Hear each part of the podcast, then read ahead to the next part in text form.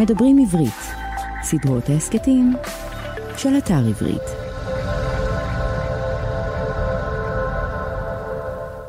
שלום לכולכם, שלום לכולכן, אנחנו הקיפוד והשועל, מדף של ספרים ורעיונות לסקרנים ולסקרניות. פודקאסט חדש, מהדורה ראשונה, אנחנו קצת מתרגשים. אנחנו גם ערב שנה אזרחית חדשה, מקליטים לקראת ה-1 בינואר 2022, אז שנה טובה למי שחוגג את הדבר הזה.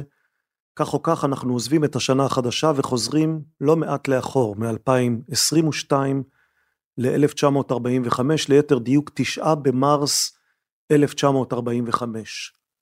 אנחנו עדיין בעיצומה של מלחמת העולם השנייה. באירופה היא עוד מעט ותיגמר, עוד מעט והגרמנים ייכנעו, אבל באוקיינוס השקט, במלחמה הגדולה בין ארצות הברית ובין יפן, הרוחות עדיין סוערות והמלחמה עוד לא ממש לקראת סיום. כאמור, תשעה במרס 1945, ובשמי העיר טוקיו מופיעים 300, קצת יותר מ-300 מפציצים כבדים, מפציצים אמריקאים B-29. המפציצים טסים מעל העיר, זו עיר גדולה של אויבת קשה ואכזרית, יפן, ואז הם עושים, אתם יודעים, מה שמפציצים יודעים לעשות. הנה, כך מתאר מלקולם גלדוול בספרו החדש כנופיית המפציצים את מה שקרה באותן שעות. הפצצות נפלו ממטוסי ה-B-29 בצרורות.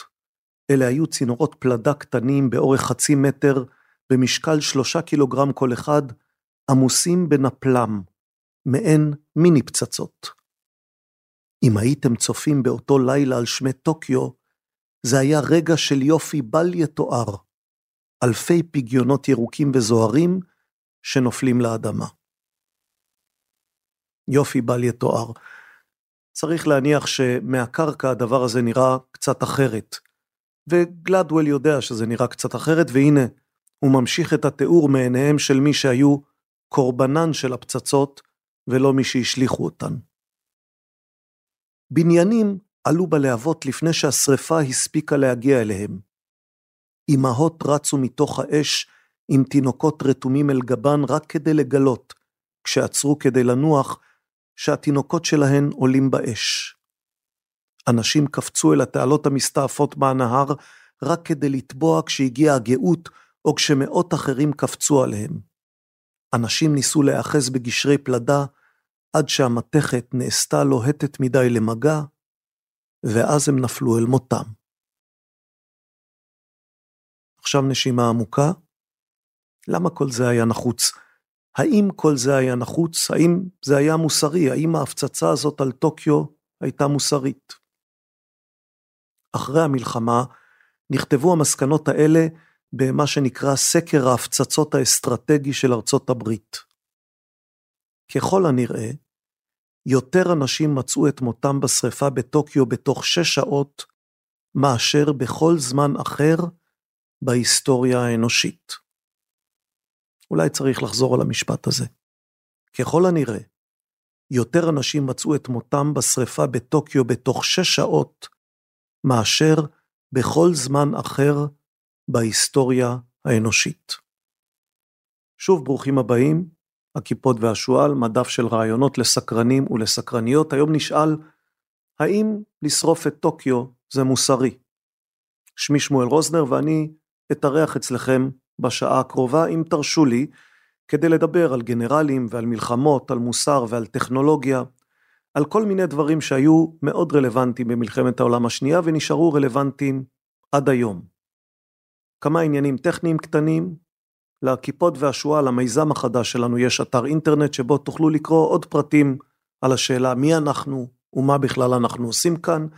האתר הוא kipshu.com, קיפשו כמו הכיפות והשועל, k-i-p-s-h-u.com, תוכלו ללכת לשם, לראות מי אנחנו, להעיר הערות, לשלוח מכתבים, כל מה שאפשר לעשות באתרי אינטרנט. חוץ מזה, נאמר שאנחנו שמחים וגאים להימנות על מערכת הפודקאסטים של חנות הספרים המקוונת עברית, מדברים עברית. אנחנו ממליצים כמובן להאזין גם לפודקאסטים האחרים של מדברים עברית, הם כולם מצוינים. אנחנו נהיה כאן פעם בשבועיים, לפעמים עם אורחים, לפעמים בלעדיהם, לפעמים נדבר על ספרים חדשים של סדרת הקיפוד והשועל, כמו כנופיית המפציצים של מלקולם גלדוול, לפעמים נדבר על דברים אחרים. כאמור, אחת לשבועיים, אנחנו מקווים שתהנו היום, אנחנו מקווים שתחזרו גם בפעמים הבאות. דרגו אותנו, תייגו אותנו, עשו לנו לייק, בואו אלינו לפייסבוק, כל הדברים האלה שנהוג לומר כשמשיקים פודקאסט חדש.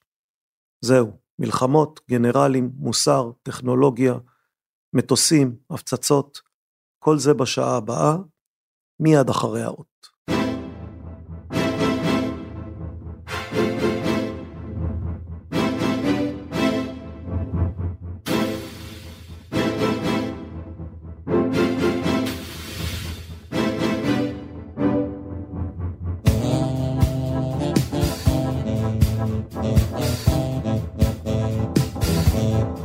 שוב שלום, הקיפוד והשועל, אנחנו בעניינים של הפצצות, של מלחמות.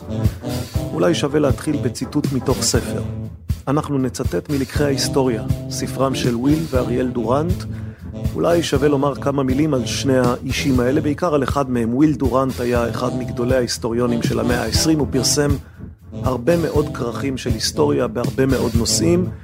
ולאחר שפרסם את רוב הכרכים הללו, החליט לנסות ולכנס חלק מהתובנות של ליקט לתוך כרך קטן, צנוע. הכרך הזה יצא בעברית לפני כמה שנים, והכרך מכיל כל מיני תובנות בכל מיני נושאים. אנחנו נקרא מתוך הפרק מוסר והיסטוריה. בימינו, ממש כמו בימי סוקרטס ובימי אוגוסטוס, הצטרפה המלחמה לגורמים המרופפים את המוסר. אחרי האלימות והפיצול החברתי של המלחמה הפלופונסית, הרגיש אלקיביאדס חופשי לזלזל בקוד המוסרי של אבות אבותיו, וטרסימכוס יכול להכריז כי הצדק היחיד הוא הכוח.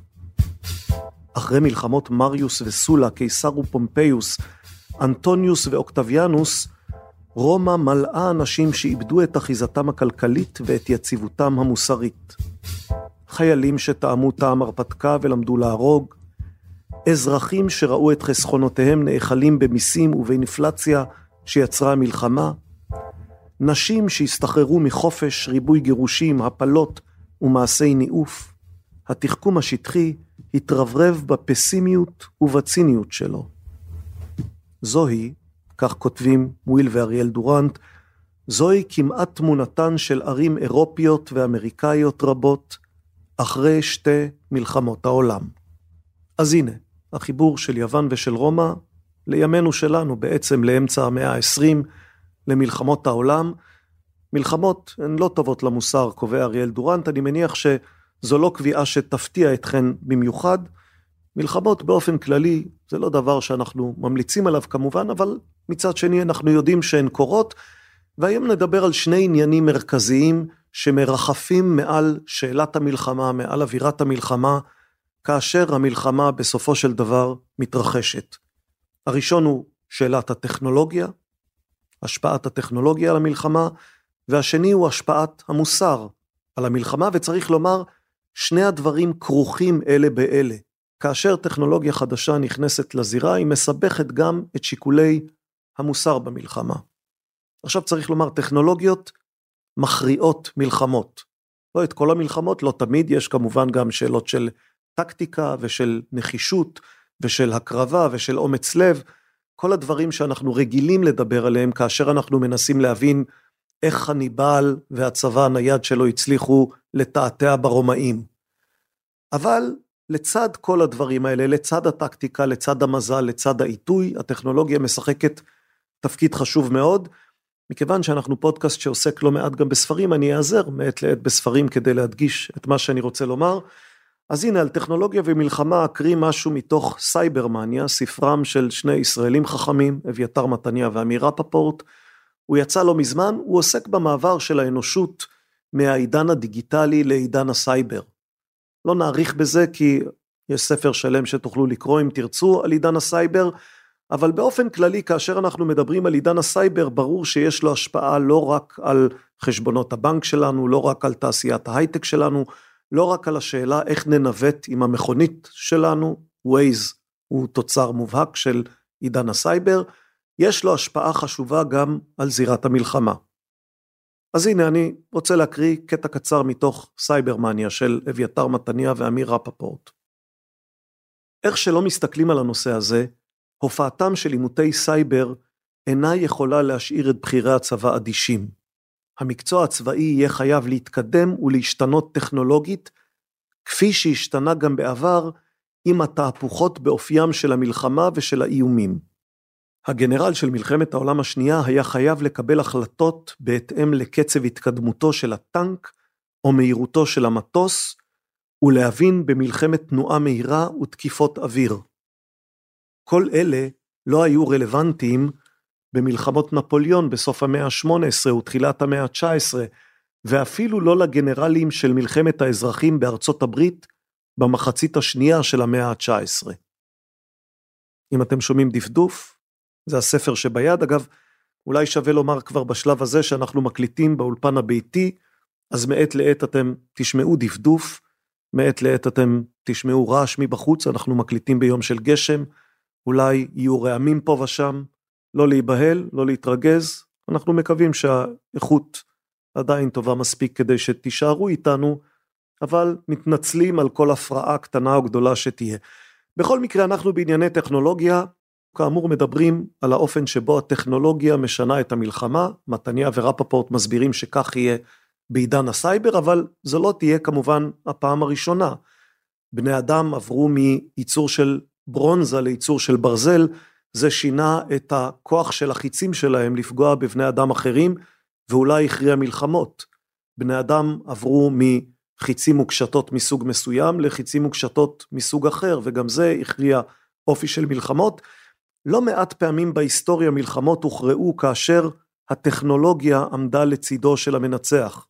שוב, כבר אמרנו, יש במלחמות הרבה עניינים חשובים שמביאים להכרעה, אנחנו אוהבים לדבר על אסטרטגיה של מצביעים ועל טקטיקה ועל מזל ועל אומץ לב, אנחנו נוטים להזניח את הטכנולוגיה כי הטכנולוגיה יש בה משהו כאילו לא הוגן, כלומר לצד אחד יש יתרון טכנולוגי ובגלל זה הוא מנצח, זה לא כל כך רומנטי לדבר על דברים כאלה, אבל זו המציאות. אני אתן לכם דוגמה, האש היוונית. לא יודע אם שמעתם על האש היוונית, שחלק כינו אותה גם אש נוזלית, והיו שכינו אותה האש הביזנטית, תכף תבינו למה האש הביזנטית. בכל מקרה זה אמצעי לחימה שהיה בשימוש אה, לקראת סוף האלף הראשון לספירה. הוא היה בשימוש בעיקר בידי הביזנטים, למרות שהומצא כנראה על ידי פליט נוצרי מסוריה, איזשהו אדם בשם קליניקוס שגר בהליופוליס, הוא לקח את הנוסחה שלו ונתן אותה לקיסר הביזנטי קונסטנטינוס הרביעי, בסביבות שנת 600-670 אה, לספירה, והאש היוונית הייתה חומר הצתה נוזלי מאוד מסוכן, עד היום לא ברור לנו בדיוק ממה היא הייתה עשויה, יש שמדברים על תערובת של גופרית, של זפת, של אשלגן, אה, של סיד, סיד חי, יש כאלה שחושבים שהיה גם מגנזיום בתוך התערובת הזאת, מה שאפשר לאש היוונית לבעור גם מתחת למים. כך או כך, האש היוונית נתנה לביזנטים יתרון טכנולוגי על פני האויבים שלהם, ולמעשה עזרה להם לשרוד. המקרה הראשון שבו זה קרה היה כנראה בשנת 672, כאשר אה, צי של ספינות ערביות התקרבו לקונסטנטינופול, והביזנטים ירו עליהם את האש היוונית, והערבים נאלצו לקפל את המפרשים שלהם ולברוח. בעצם לא נשארו להם מפרשים לקפל, זה רק ביטוי, קיפלו את המפרשים, המפרשים שלהם בערו באש והתכלו, חלק מהספינות שלהם גם הן בערו באש. האש היוונית נתנה לביזנטים כוח עצום מול האויבים שלהם, היא לא תמיד הייתה בטוחה לשימוש, לפעמים היא שרפה את המפעילים ולא את מי שהיו היעד של המפעילים, אבל בדרך כלל היא שימשה את הביזנטים היטב, ויש לא מעט היסטוריונים שחושבים שכוח השרידות, כוח ההתמדה של האימפריה הביזנטית שהחזיקה מעמד הרבה מאוד שנים, היה היתרון הטכנולוגי הזה שהיה לה על פני היריבים שלה. עכשיו אני אשאל שאלה שיכולה להיות קצת מוזרה. האם לביזנטים היה הרהור מוסרי כלשהו? האם הייתה להם התלבטות מוסרית לפני שהם החליטו להשתמש באש היוונית נגד ספינות ערביות או נגד ספינות אחרות או נגד צבאות אחרים? האם הביזנטים התלבטו בשאלה אם זה מוסרי לשרוף את האויב שלך? התשובה היא, התשובה היא כנראה לא, כלומר, אנחנו לא מוצאים במקורות ההיסטוריים איזושהי עדות חזקה לאפשרות שהביזנטים, בין אם זה גנרלים או מנהיגים או קיסרים, או אפילו הוגים ביזנטים, אנחנו לא מוצאים עדות לאפשרות שהם התלבטו האם זה מוסרי לנצל את היתרון הטכנולוגי הזה, ואני מניח שהאש הביזנטית לא הייתה נשק שנעים לספוג אותו, זה, זה היה מסוג כלי הנשק שיכול להיות שהיום היינו אומרים שראוי לא להשתמש בהם, כמו נשק קימי או נשק ביולוגי, אולי כמו נשק גרעיני, כלומר, האש הביזנטית היא דבר שכן מעורר אצלנו, בני האדם שחיים בעידן המודרני, איזו תחושה של אי נוחות ביחס לשימוש בה, אבל שוב, אנחנו לא מוצאים עדויות חזקות לאפשרות שכך היה גם בימי הביניים המוקדמים, גם לא בימי הביניים המאוחרים יותר, כאשר נעשה שימוש בנשק הזה, או בתחמושת הזאת, כדי להביס יריבים. אז נתקדם. מה אמרנו עד עכשיו? אמרנו שטכנולוגיה יכולה להכריע מלחמות, אמרנו שטכנולוגיה מכניסה אלמנטים חדשים למלחמות שלפעמים מחדדים דילמות מוסריות. האם זה מוסרי לקצור באש מקלעים את מי שמסתער על אה, מוצבים מבוצרים? אש מקלעים הייתה החידוש הטכנולוגי של מלחמת העולם הראשונה, מלחמת חפירות, טנקים ועוד יותר מזה מטוסים היו החידוש הטכנולוגי הגדול של מלחמת העולם השנייה, זה קצת מוזר לחשוב, בעיקר בישראל כאשר אנחנו לפעמים נוטים לחשוב שיש לנו חיל אוויר וסביבו צבא וסביב הצבא משהו שמתחזה למדינה, קשה לנו להיזכר שחיל אוויר הוא דבר די חדש בתולדות העולם. חילות אוויר נכנסו לשימוש אמיתי רק במלחמת העולם השנייה ורק אז התחילה להתפתח התיאוריה והטכניקה של מלחמה באמצעות מטוסים. בוודאי שזו הייתה טכנולוגיה חדשה שיכלה להכריע מלחמות, בוודאי שזו הייתה טכנולוגיה חדשה שהכניסה שיקולים מוסריים חדשים לשאלה של איך מנהלים מלחמות. עכשיו נחזור ונזכיר את האירוע שלשמו התכנסנו היום.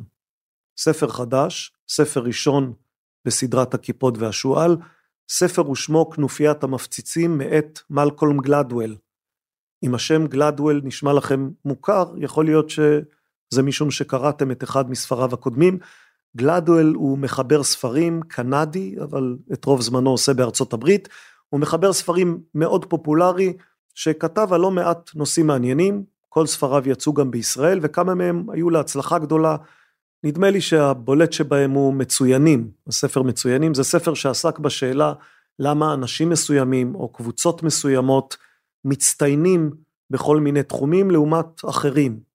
איך uh, הביטלס, להקת החיפושיות, כמו שקוראים לה בעברית, איך הם הגיעו לרמה אומנותית כל כך גבוהה לעומת להקות אחרות. זה ספר שמספר גם על טייסים מצוינים ועל מדענים מצוינים. הוא הפך לפופולרי את התיאוריה המוכרת על עשרת אלפים השעות. כלומר שכאשר מישהו או מישהי רוצים להצטיין בתחום מסוים הם צריכים קודם כל לעסוק בו באינטנסיביות למשך עשרת אלפים שעות, ואז אולי יש להם סיכוי להגיע למצוינות, כמובן אם היה להם כישרון מלכתחילה. בכל מקרה, יכול להיות שקראתם ספרים של גלדוול ויכול להיות שלא קראתם ספרים של גלדוול, הספר החדש, כנופיית המפציצים, קצת שונה מהספרים הקודמים שלו, הזכרנו את מצוינים, נזכיר את דוד וגוליית ואת איך לדבר עם זרים, היו עוד ספרים שלו שיצאו בישראל, כך או כך הספר כנופיית המפציצים הוא שגירה אותנו להרהר על השאלות האלו, השאלות של טכנולוגיה ומלחמה, מוסר ומלחמה, טכנולוגיה, מוסר ומלחמה, זה ספר, כבר אמרנו, שעוסק במלחמת העולם השנייה, בעיקר בשלהי מלחמת העולם השנייה, השלב שבו ארצות הברית ויפן מנהלות את השלבים הסופיים של הקרב האכזרי ביניהן, קרב שהחל, אני מניח שאתם יודעים, בהפצצה היפנית על פרל הרבור בדצמבר 1941, הספר של גלדוול מביא אותנו כבר ל-1945, האמריקאים כבר, כבר עמוק בתוך הקמפיין שלהם, הם מדלגים מאי לאי, שולחים את המרינס או את הצבא כדי לכבוש איים באוקיינוס השקט מידי היפנים, והקרבות הם קרבות קשים מאוד, קרבות אכזריים מאוד, עם הרבה הרוגים ועם לא מעט פצועים ועם לא מעט שריטות לנפש. היפנים הם אויב עקשן והם אויב אכזרי והם אויב שמסרב להיכנע, וכאשר האויב מסרב להיכנע, האמריקאים מתחילים לחשוב על אמצעים שיגרמו לו בכל זאת להיכנע, וכל מיני דברים שאולי לפני רגע נראו כבלתי סבירים, או לא יעלו על הדעת, הופכים לפתע לדברים שאין ברירה אלא לשקול כדי לנסות ולהכריע את המלחמה. עכשיו נעצור רגע ונשאל למה היפנים לא נכנעים? הרי הם כבר רואים שהאמריקאים מתקדמים מאי לאי, הם רואים שלאמריקאים יש יתרון של כוח ויתרון של טכנולוגיה, הם יודעים שבסופו של דבר האמריקאים כנראה יכריעו את המלחמה הזאת נגדם, אז למה הם מסרבים להיכנע? זה עניין ששווה להתעכב עליו משום שכאשר אנחנו מגיעים לשיקולי המוסר האמריקאים, שעוד מעט נדבר עליהם, השיקולים שיכריעו האם כן או לא להפציץ את טוקיו וערים אחרות בנפלם, ולשרוף מאות אלפי בני אדם, אזרחים, נשים, גברים, קשישים וילדים חפים מפשע, כאשר אנחנו מגיעים לשאלה הזאת, אנחנו מגיעים בעצם מהאמצע. כי קודמת לשאלה הזאת, השאלה מדוע המלחמה נמשכת עד עכשיו. וקודמת לשאלה הזאת, השאלה מדוע היפנים מתעקשים שלא להיכנע.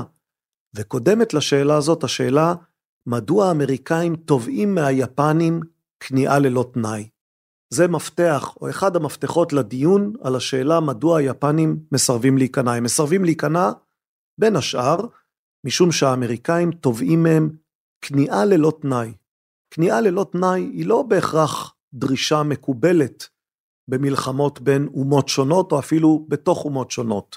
כאשר האמריקאים עצמם מסיימים את מלחמת האזרחים, מלחמת הצפון והדרום באמצע המאה ה-19, ישנו רגע מוכר מאוד בהיסטוריה האמריקאית שבו הגנרל גרנט, יוליסס גרנט, מפקד צבא הצפון, והגנרל לי, מפקד צבא הדרום, מגיעים לאיזושהי הסכמה על תנאי הכניעה של החיילים בווירג'יניה. אתם יודעים מה? בואו בוא נתעכב לרגע על האירוע הזה. הוא אמנם מרחיק אותנו ממלחמת העולם השנייה ולוקח אותנו הרבה לאחור, אבל החלטנו לספר סיפור ולתת לו זמן. אנחנו לא ממהרים לשום מקום, אז, אז נלך לשם. חודש אפריל 1865, אנחנו במקום שנקרא אפומטוקס. זה המקום שבו נרשמה הכניעה העיקרית, ואנחנו בשעה שבה ישנם כמה חילופי מסרים בין שני הגנרלים האלה, גרנט ולי. אני אקריא לכם אחד מהם. גרנט שולח איגרת ללי ואומר לו, תשמע, אין לך סיכוי לנצח, אתה מכותר, הצבא שלך עומד להפסיד, למה שנשפוך עוד דם? בוא ננסה להגיע לאיזה שהם תנאים, והנה, הנה מכתב התשובה שהוא מקבל מהגנרל רוברט אילי. 7 באפריל 1865, לי כותב כך: קיבלתי את הערתך לתאריך זה. למרות שאיני מסכים עם הדעה שאתה מביע על חוסר התקווה של התנגדות נוספת מצד צבא צפון וירג'יניה, אני שותף לרצונך להימנע משפך חסר תועלת של דם. ולכן, לפני שאשקול את הצעתך, אני מבקש לשאול על התנאים שתציע בתנאי הכניעה. מה אתה מציע? איך תיתן לי לסגת מפה בלי ניצחון, לא רק בלי ניצחון, עם הפסד, עם כניעה, אבל עם הכבוד שלי. וגרנט מציע לא מעט. ההיסטוריון ג'יימס מקפירסון קורא לזה תנאים נדיבים. מי שמחפש משהו לקרוא על מלחמת האזרחים האמריקאית בכרך אחד, אמנם כרך עבה למדי, ובאנגלית ולא בעברית, אז זה הדבר שאני ממליץ עליו, Battle Cry of Freedom של ג'יימס מקפירסון, ספר נהדר, וכאמור מקפירסון קובע שתנאי הכניעה היו נדיבים. עכשיו נחזור למלחמת העולם השנייה. במלחמת העולם השנייה האמריקאים לא מציעים ליפנים תנאי כניעה נדיבים, הם מציעים להם, למעשה תובעים מהם, כניעה ללא תנאי. מה זה ללא תנאי? לא ברור אם האמריקאים עצמם מבינים מה זה ללא תנאי, ולא ברור בכלל למה הם העלו את הדרישה הזאת. למעשה זו דרישה שנחתה על השולחן כמעט באקראי. הוא קורה כאשר הנשיא האמריקאי פרנקלין דילנו רוזוולט עולה לבמה במסיבת עיתונאים, ויש איזה כתב, עיתונאי, ששואל אותו, מהם מטרות המלחמה האמריקאית באוקיינוס השקט? פרנקלין רוזוולט לא יגיע לסופה של המלחמה באוקיינוס השקט, אה, הוא מת קצת לאחר תחילת כהונתו הרביעית, ומי שיביא את המלחמה לסיומה הוא הנשיא הארי טרומן, מי שהיה סגנו של רוזוולט, וירש אותו כאשר רוזוולט מת משבץ במעיינות החמים בג'ורג'יה. בכל מקרה רוזוולט עולה על הבמה, כאמור, שאלה לא מתוכננת, והתשובה הלא מתוכננת שלו היא Unconditional Surrender. כניעה ללא תנאי, זה, זו מטרת המלחמה שהוא מכריז עליה באותה מסיבת עיתונאים, זו מטרת מלחמה שלא סוכמה בשום פורום אמריקאי קודם לכן. למעשה לא מעט גנרלים ודיפלומטים מופתעים מהדרישה הזאת, ומי שעוד מופתע ממנה הוא עמיתו המוכר של רוזוולט, ראש ממשלת בריטניה באותם ימים, וינסטון צ'רצ'יל. צ'רצ'יל שומע על התביעה לכניעה ללא תנאי לראשונה באותה מסיבת עיתונאים, זה לא סוכם איתו מראש, הוא גם לא בטוח שזה רעיון נבון במיוחד, אבל צ'רצ'יל הוא בן הזוג היותר חלש בזוגיות רוזוולט-צ'רצ'יל. צ'רצ'יל תלוי ברוזוולט, רוזוולט לא תלוי בצ'רצ'יל, וצ'רצ'יל נאלץ לקבל, להסכים עם התביעה של רוזוולט וליישר קו על פיה. בכל מקרה, כמו שאנחנו רואים, זו תביעה שלא ברור מדוע היא צצה, ולא ברור למה דווקא באותו רגע, ולא ברור למה ללא התייעצות מוקדמת, ולא ברור למה דווקא במסיבת עיתונאים, ועוד יותר מזה לא ברור מה בדיוק פרנקלין רוזוולט התכוון לבקש. באותה מסיבת עיתונאים אגב, הוא הזכיר את אותה פגישה מפורסמת בין הגנרל יוליסס גרנט לבין הגנרל רוברט אי לי. כלומר נדמה היה לו שהוא חוזר על תקדים שכבר היה כמותו, כאשר למעשה הוא טבע דבר אחר לגמרי. כי מרגע שהתביעה היא תביעה לכניעה ללא תנאי, נוצרת מציאות חדשה. האמריקאים מבינים שהם ילכו עד הסוף, והיפנים מבינים שהם לא יכולים לסיים את המלחמה הזאת בכבוד. המלחמה הזאת תסתיים מבחינתם או בהשפלה או בניצחון. ניצחון לא נראה באופק, קשה מאוד יהיה להם לנצח, להשפלה הם לא מוכנים. למעשה, האמריקאים דוחפים את היפנים לדחוף את האמריקאים לאמצעים קיצוניים משום שהמטרה היא קיצונית, המטרה היא כניעה ללא תנאי. עכשיו, אפשר להתווכח על השאלה האם זאת הייתה תביעה מוצדקת או לא מוצדקת, האם ראוי היה לתבוע מהיפנים כניעה ללא תנאי. אפשר גם לומר שבדיעבד, כאשר מסתכלים על מה שקרה ביפן לאחר מלחמת העולם השנייה ועל האופן שבו יפן שוקמה, אפשר לומר שאולי הכניעה ללא תנאי הייתה בסופו של דבר יותר ברכה מאשר קללה, אבל, אבל היא בלי ספק לא הייתה ברכה באותו זמן לאותם אזרחים יפנים שנאלצו לספוג את הפצצות הנפלם, הפצצות התבערה, שלא לדבר על אותם אזרחים יפנים שנאלצו לספוג את פצצות האטום בהירושימה ובנגסקי.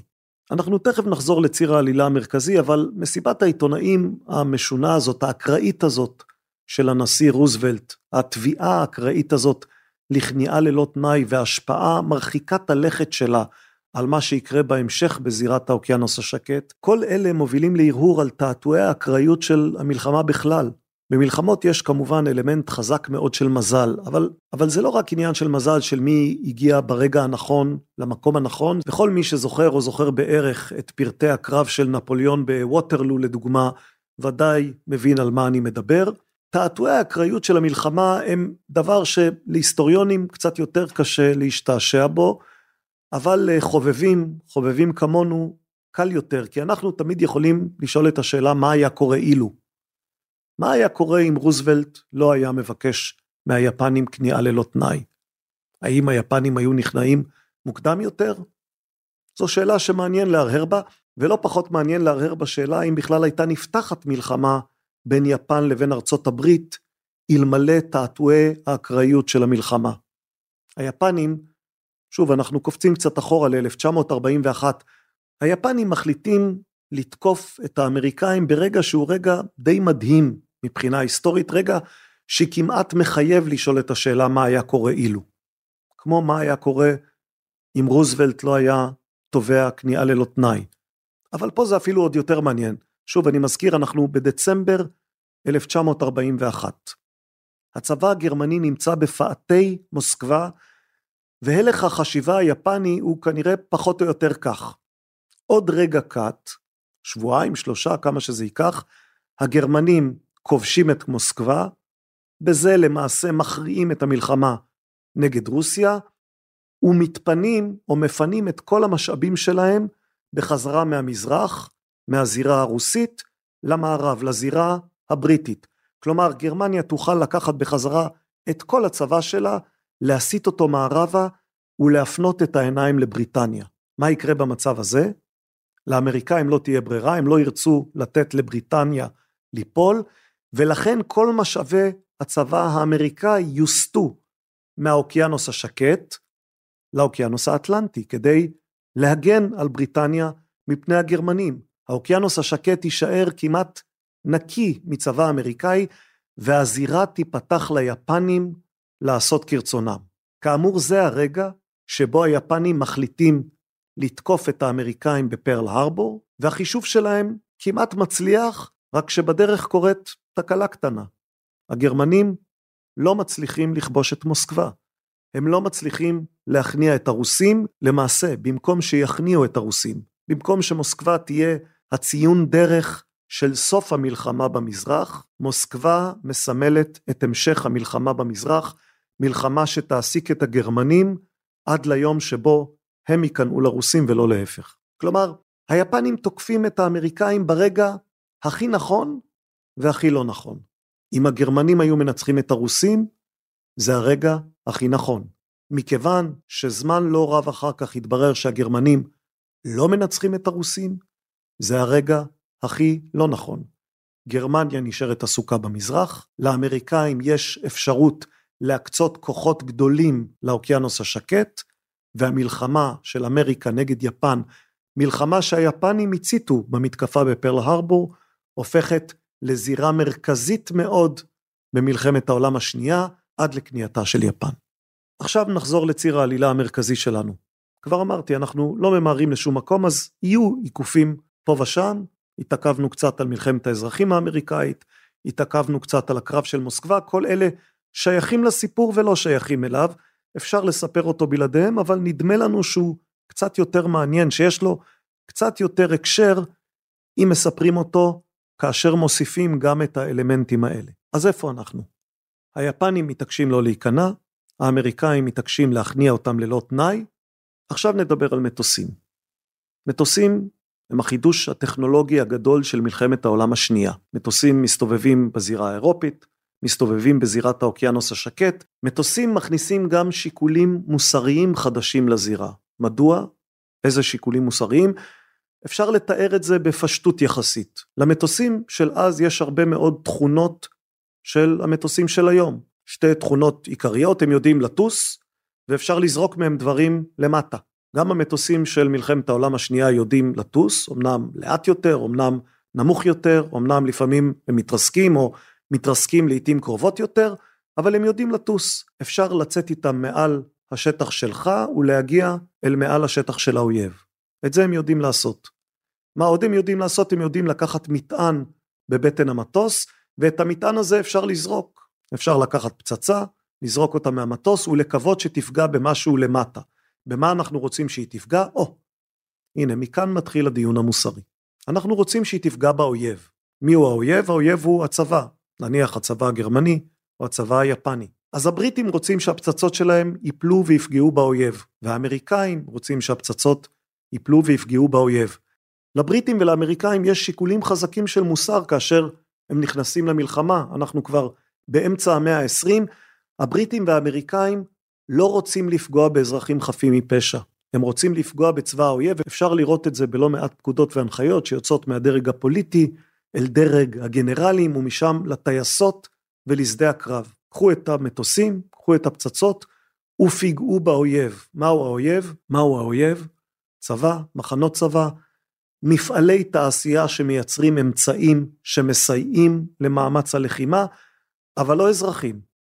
לא זקנים, לא נשים, לא ילדים, לא אנשים חפים מפשע.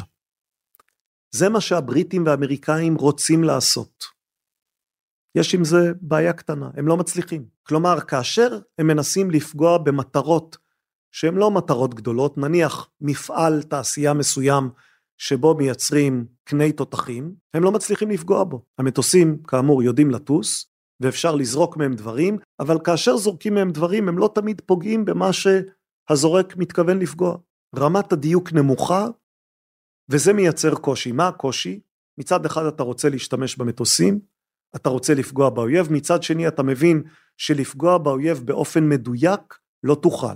אז אין ברירה אלא לזרוק קצת יותר פצצות על שטח קצת יותר גדול, בתקווה שמשהו מכל מה שנזרק יפגע בסופו של דבר גם במטרה שאליה התכוונו הבריטים והאמריקאים. מכאן הדילמה מתגלגלת כמו שכל ישראלי מכיר אותה.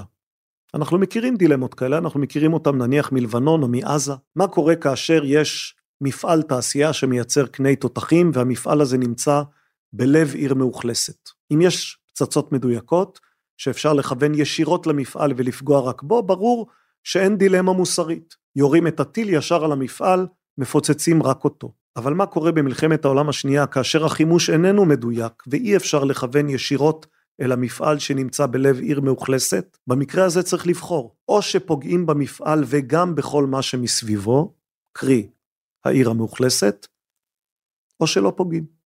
בתחילת המלחמה נדמה שהבחירה היא לא פוגעים, או פוגעים פחות.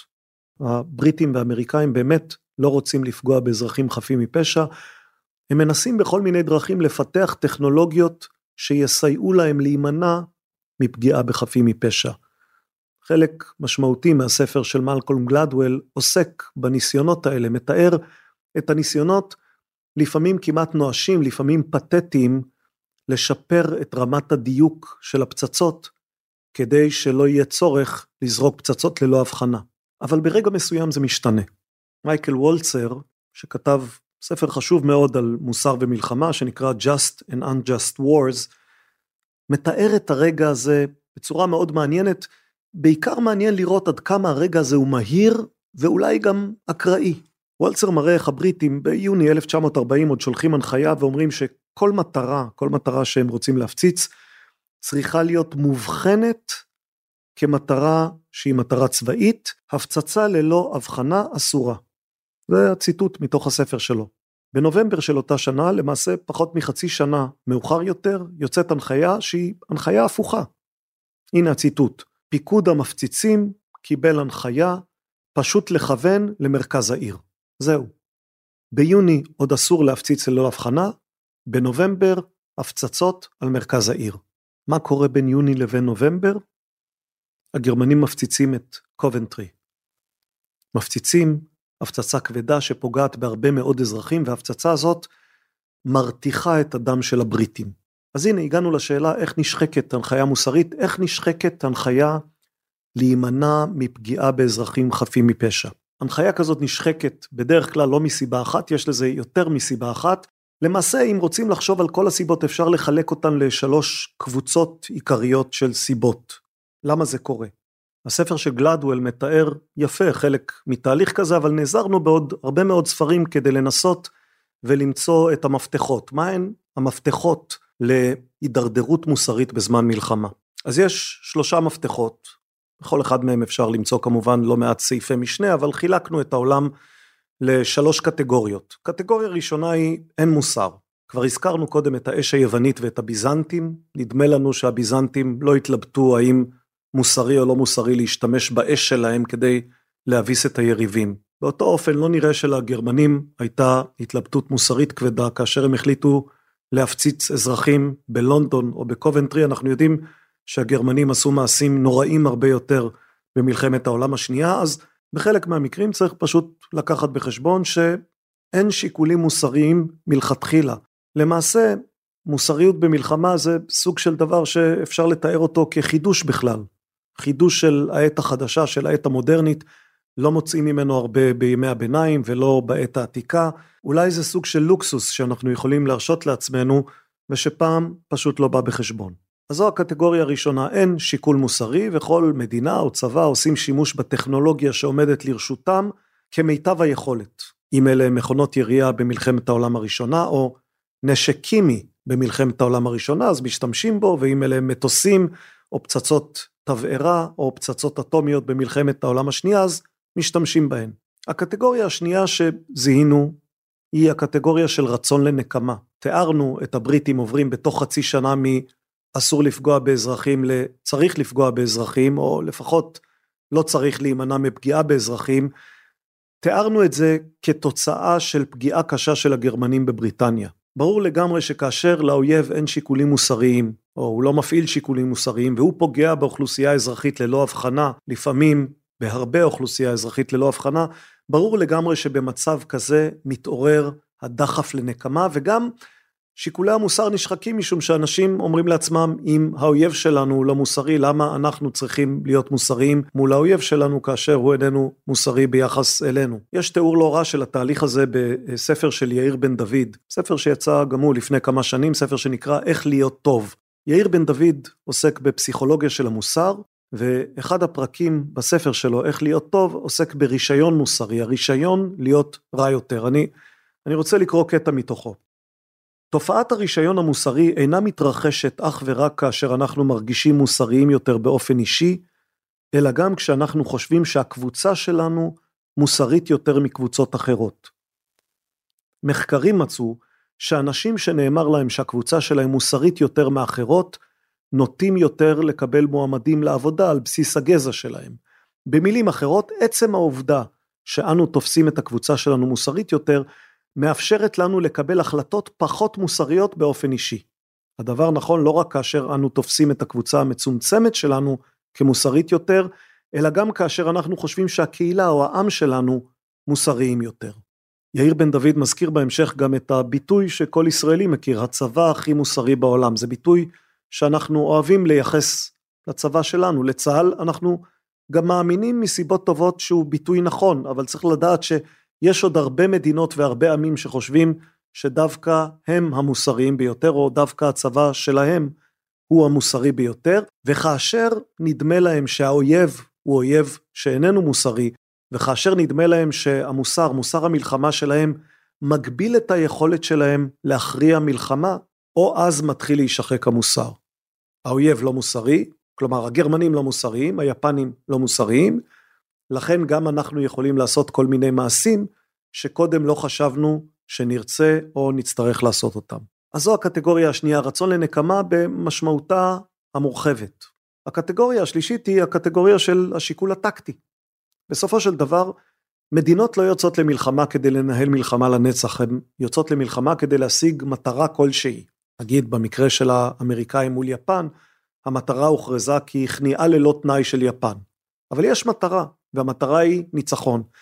ואת הניצחון צריך להשיג, ובשלב מסוים במהלך המלחמה, בעיקר כאשר מדובר במלחמה שמתמשכת כבר חמש שנים, מלחמת העולם השנייה, כל צבא צריך לעשות לעצמו את החשבון מה עוד נדרש ממנו כדי להגיע להכרעה, איך מסיימים את המלחמה. אמירה מזוב בספר שיצא לפני שנה בערך, שנקרא הכרעה, עוסק בשאלה הזאת בהקשר למלחמת יום הכיפורים. ישראל מכתרת את הארמיה השלישית המצרית, מה עכשיו? כלומר, איך מביאים את הדבר הזה לסיום. אז גם האמריקאים רוצים להביא את המלחמה להכרעה, לסיום. הם כבר יודעים שהם יכולים לנצח את היפנים, הם, הם רואים שהם מתקדמים מאי לאי, אבל המחיר הוא כבד מאוד. המחיר בכוח אדם, במשאבים, ובעיקר בנפש הוא מחיר כבד מאוד, והאמריקאים רוצים לסיים את המלחמה בלי לשלם את המחיר הכבד הזה בנפש. לכן הם מחפשים קיצור דרך. הם מחפשים דרך לגרום ליפנים להבין מהר יותר שהם מוכרחים להיכנע. שוב, נזכיר, הדרישה היא כניעה ללא תנאי, לכן, או אולי גם בגלל זה היפנים מתעקשים. אבל זה לא משנה, זאת התביעה האמריקאית, זאת ההתעקשות היפנית, וכאשר מחפשים קיצור דרך, אז קיצור דרך מחפשים בכל מקום. ולפעמים כאשר מגלים שקיצור הדרך משמעו ביטול של החלטות שהתקבלו משיקולי מוסר רק זמן קצר קודם לכן, לפעמים השיקול הטקטי מכריע. עכשיו, זה לא עד כדי כך פשוט, כי ברגע שנוצר שיקול טקטי, אז זה לא שיקול טקטי מול שיקול מוסרי, השיקול הטקטי הוא עצמו שיקול מוסרי, וזה מה שהאמריקאים אומרים בשלב ההוא של המלחמה. האמריקאים אומרים לעצמם, אם נצטרך להמשיך להילחם מאי לאי, אם נצטרך להגיע לפלישה קרקעית, יבשתית, ליפן עצמה, המחיר באבדות יהיה גבוה מאוד, כבד מאוד, ימותו מאות אלפים ואולי מיליוני חיילים אמריקאים. הדבר המוסרי לעשות בנסיבות כאלה, לפחות כך חלק מהאמריקאים חושבים, הדבר המוסרי לעשות הוא להרוג הרבה מאוד יפנים עכשיו כדי למנוע הרג של הרבה מאוד אמריקאים אחר כך. האם זה שיקול מוסרי מנצח? האם להרוג הרבה מאוד אזרחים יפנים חפים מפשע זה מוסרי יותר מאשר לתת להרבה מאוד חיילים אמריקאים למות בקרב? זו שאלה שכל אחד צריך לשאול את עצמו, וכאמור זו שאלה שאיננה זרה לנו במציאות הישראלית. אנחנו מכירים את ההתלבטות הזאת. באיזה מחיר אנחנו מוכנים לשמור על חיילינו? או כמה מוסריים אנחנו רוצים להיות גם כאשר זה עולה לנו בסיכון של חיילינו.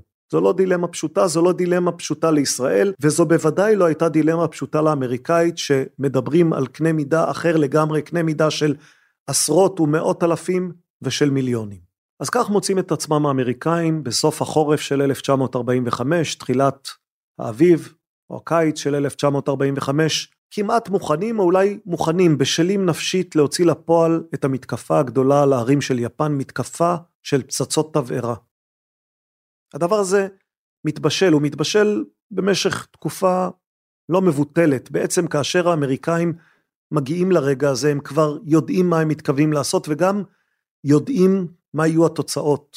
בספר של גלדוול יש סצנה בעיניי די מצמררת שמובילה אותנו אל שעת ההפצצה על טוקיו. בעצם מלווה את תהליך ההבשלה של ההכרה בעובדה שזה מה שהולך לקרות. התהליך הזה קורה לא באוקיינוס השקט, הוא קורה באופן מוזר בלב המדבריות של מדינת יוטה בארצות הברית. יוטה היא מדינה גדולה, יש בה גם הרים וגם מדבר, יש בה שטחים גדולים לאימונים, וגלדוול מתאר מה עושים האמריקאים ביוטה כמה חודשים לפני שהם מפציצים את טוקיו. הם מביאים ליוטה שני אדריכלים חשובים, אחד מהם אגב יהודי ממוצא גרמני, אריק מנדלסון, אם אתם רוצים לדעת עוד עליו שווה לקרוא את הספר האב המייסד של אה, מוטי גולני ויהודה ריינהרד, זה ספר שמספר על החיים של חיים ויצמן, הנשיא הראשון של מדינת ישראל. הארכיטקט מנדלסון הוא האיש שבנה את בית ויצמן בישראל, הוא בנה כאן עוד כמה בתים ידועים למדי, הוא היה ארכיטקט מפורסם, האמריקאים לא הביאו אותו ליוטה כדי לבנות בית גדול שיישאר לתמיד, אלא כדי לבנות בתים קטנים שיושמדו מהר. למה הכוונה? הנה, כך, כך גלדוול מתאר את מה שהם עושים ביוטה. הם בנו 24 בתי מגורים יפניים, 12 מתחמים שבכל אחד מהם שתי יחידות. הם הכניסו פרגודי הזזה יפניים ושחזורים מושלמים של תריסים יפניים. למה הם עושים את זה? הם עושים את זה כדי לבדוק מה קורה כשזורקים פצצות תבערה על עיר יפנית, כדי לבדוק איזה פצצות יגרמו את הנזק הקטלני ביותר לעיר שבנויה בסגנון יפני. והנה, הנה גלדוול ממשיך. דמיינו לעצמכם שאתם חברים בכנופיית המפציצים, הוא מתייחס כאן כמובן לטייסים האמריקאים.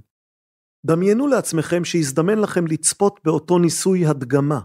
ראיתם את השחזור הקפדני של הכפרים היפניים, שמעתם את מטוסי ה-B-29, ה-B-29 שלכם, מפלחים את הרקיע בצווחה ומטילים את המטען הבוער שלהם, ראיתם את הבתים עולים בלהבות, מה הייתם מסיקים מכל זה? דמיינו גם אתם, דמיינו את המדבר ביוטה ודמיינו את המטוסים באים ומפציצים ודמיינו את הדגם של הכפר היפני עולה בלהבות ואת המפקדים מסתכלים בתבערה ומהנהנים בראשם ואומרים כן, זה יעבוד. הנה, זה הרגע שבו מבשילה הכרה, אולי גם מבשילה הנכונות לעשות את מה שלפני שנה או שנתיים חשבתם שלא יעלה על הדעת. עוד קצת מגלדוול. אתם עשיתם מאמצים כבירים כדי להימנע מפגיעה בכל דבר שאינו מטרות תעשייתיות קריטיות. עכשיו, הצבא משתמש במנגנון הפצצת הדיוק שלכם כדי להשמיד בתים של אנשים. הממשל, האנשים הממונים על הצבא שלכם שיושבים בוושינגטון, נוקט אסטרטגיה שהיא הפרה שלמה ומוחלטת של העקרונות שלכם. כן, וכל זה מזכיר גלדוול עוד לפני שדיברנו על מה שקורה במדבריות של מדינת ניו מקסיקו, שם הולכת ומבשילה תוכנית הפצצה הגרעינית. הפצצה הגרעינית. אפשר לדבר גם עליה למרות שגלדוול ממקד את ספרו בפצצות התבערה, בהפצצה על טוקיו, ויכול להיות שהוא צודק, יכול להיות שמרגע שהאמריקאים החליטו להטיל את פצצות התבערה הקטלניות על טוקיו, כבר היה ברור שהם השתמשו גם בפצצת הגרעין. הנשיא טרומן, כבר הזכרנו אותו, הוא זה שיורש את הנשיא רוזוולט כאשר רוזוולט מת בתחילת כהונתו הרביעית. הנשיא טרומן נכנס לתפקיד והוא לא יודע שום דבר על תוכנית הגרעין האמריקאית. הוא אמנם סגן הנשיא, אבל הנשיא שומר אותו באפלה, והוא נכנס למשרד ומתחיל לקבל דיווחים, ובין השאר נודע לו שארצות הברית מפתחת נשק קטלני, שאפשר יהיה להכריע באמצעותו את המלחמה, וטרומן כבר בהזדמנויות מוקדמות למדי כותב ואומר לעצמו שאם הנשק הזה יעמוד לרשותו הוא ישתמש בו. כלומר, מצד אחד הוא אומר לא נפגע באזרחים, גם טרומן לא רוצה לפגוע באזרחים, ומצד שני הוא אומר אנחנו נשתמש בנשק הזה.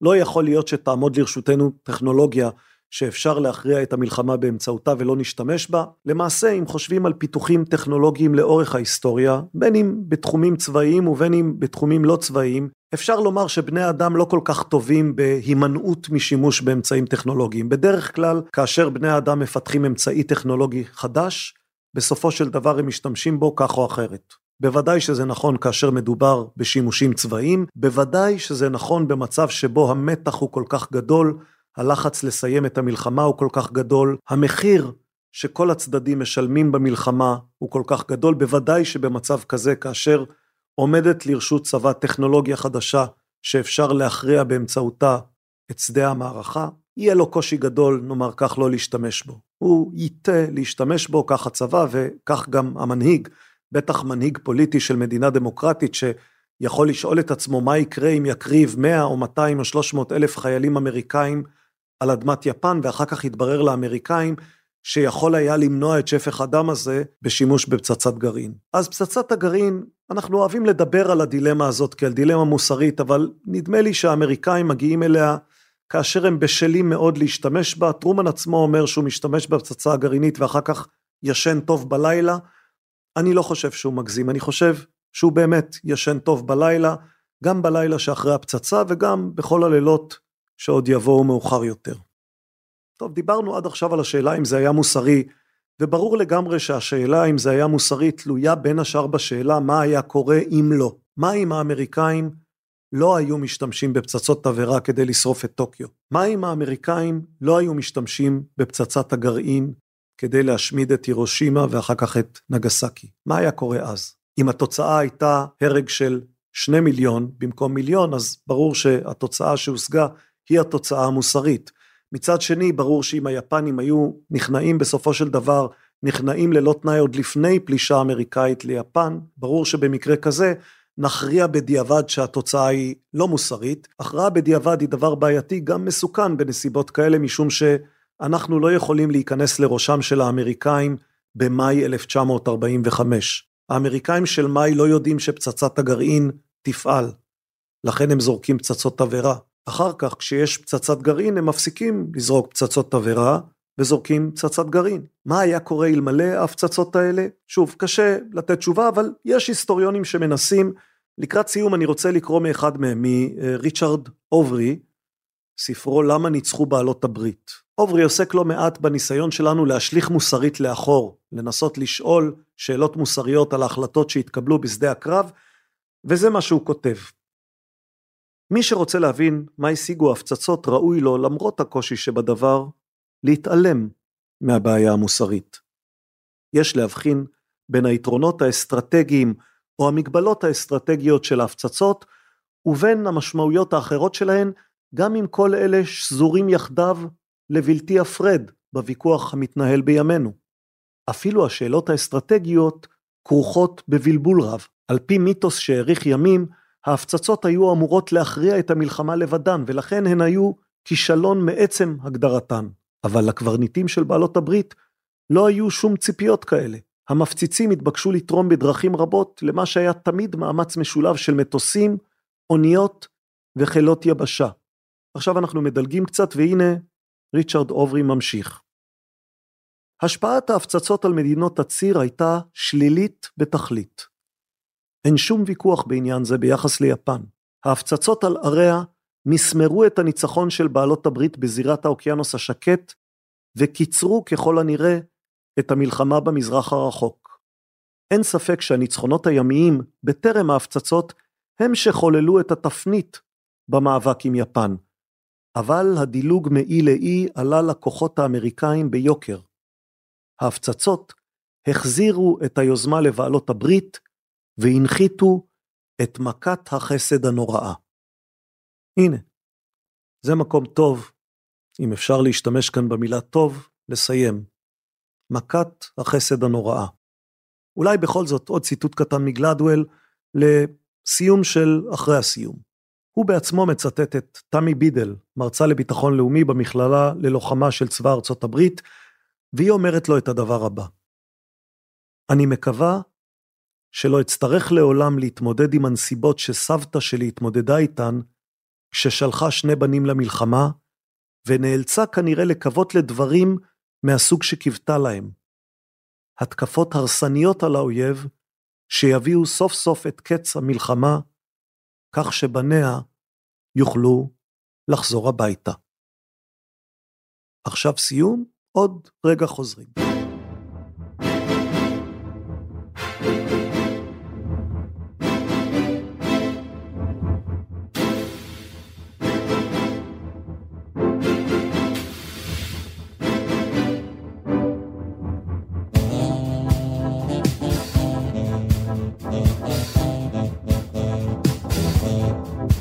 הנה אנחנו שוב כאן, הכיפות והשועל.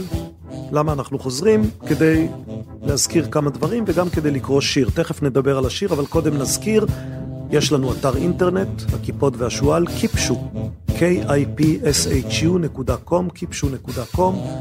נשמח אם תבואו, נשמח אם תגיבו. אתם יכולים לומר לנו שהיה נהדר, או להציע לנו איך לשפר, או להגיב על התוכן, מה שתרצו לעשות. נשמח אם תדרגו אותנו, נשמח אם תתייגו אותנו, נשמח אם תשלחו לחבריכם ולחברותיכם את הלינק שבו אפשר לשמוע את הפודקאסט הזה. נשמח אם תתעניינו בספרים של סדרת הכיפות והשועל. הראשון שבהם, כנופיית המפציצים, יצא ממש עכשיו לאור. תודה לכם על ההאזנה, תודה לעברית על האירוח. אנחנו מזכירים שיש לעברית עוד כמה פודקאסטים שכדאי לשמוע. עכשיו נסיים באמת בשיר. כך החלטנו, החלטנו לנסות לסיים כל מפגש בשיר. אנחנו נפגשים, כבר הזכרנו את זה פעם בשבועיים. היום הייתי לבד, בעוד שבועיים תהיה כאן אורחת מעניינת, ואנחנו נשתדל לסיים בשיר פשוט כי טוב לקרוא שירים מעת לעת. הפעם זה יהיה שיר מתוך נוסח עברי, ספר התרגומים המצוין, באמת מומלץ, של צור ארליך, ואנחנו נקרא שיר של וילפרד אוהן. זה שיר שמתאים לאווירה של ההסכת הזה, ווילפריד אוהן, שכתב שירים יפים מאוד, גויס ב-1915 לצבא, זאת הייתה מלחמת העולם הראשונה. הוא עבר חוויות לא קלות בחזית, אובחן כמי שסובל מהלם קרב, נשלח לבית חולים צבאי, בבית החולים הוא שהה זמן מה, ואחר כך ב-1918 חזר לשירות פעיל בצרפת. ווילפרד אוון נהרג, שבוע לפני סוף מלחמת העולם הראשונה. אמו קיבלה את הידיעה על מותו ביום שביתת הנשק. הנה שיר שכתב ב-1914 ווילפרד אוון בתרגומו של צור ארליך. עת מלחמה. על העולם בחורף חשכת צלמוות על ראשו תלין, טורנדו עז שמרכזו ברלין, על כל אירופה מהלך סחרחורת, משיג את הקדמה שנים אחורה, את השירה מניס מן הטרקלין. תחילת רעב לרגש לגלעין, את פרי הלב ירכב עדי תשחורת. יוון הייתה אביב, וקיץ רומא, ובימינו סתיו אדיר שפה, ברכותו ברכה מחושפה, החורף בא לפרוע. זמן לזרוע. לקראת אביב, זרעים במועדם, ולדשן את אדמתם בדם. הכיפות והשועל, סיימנו.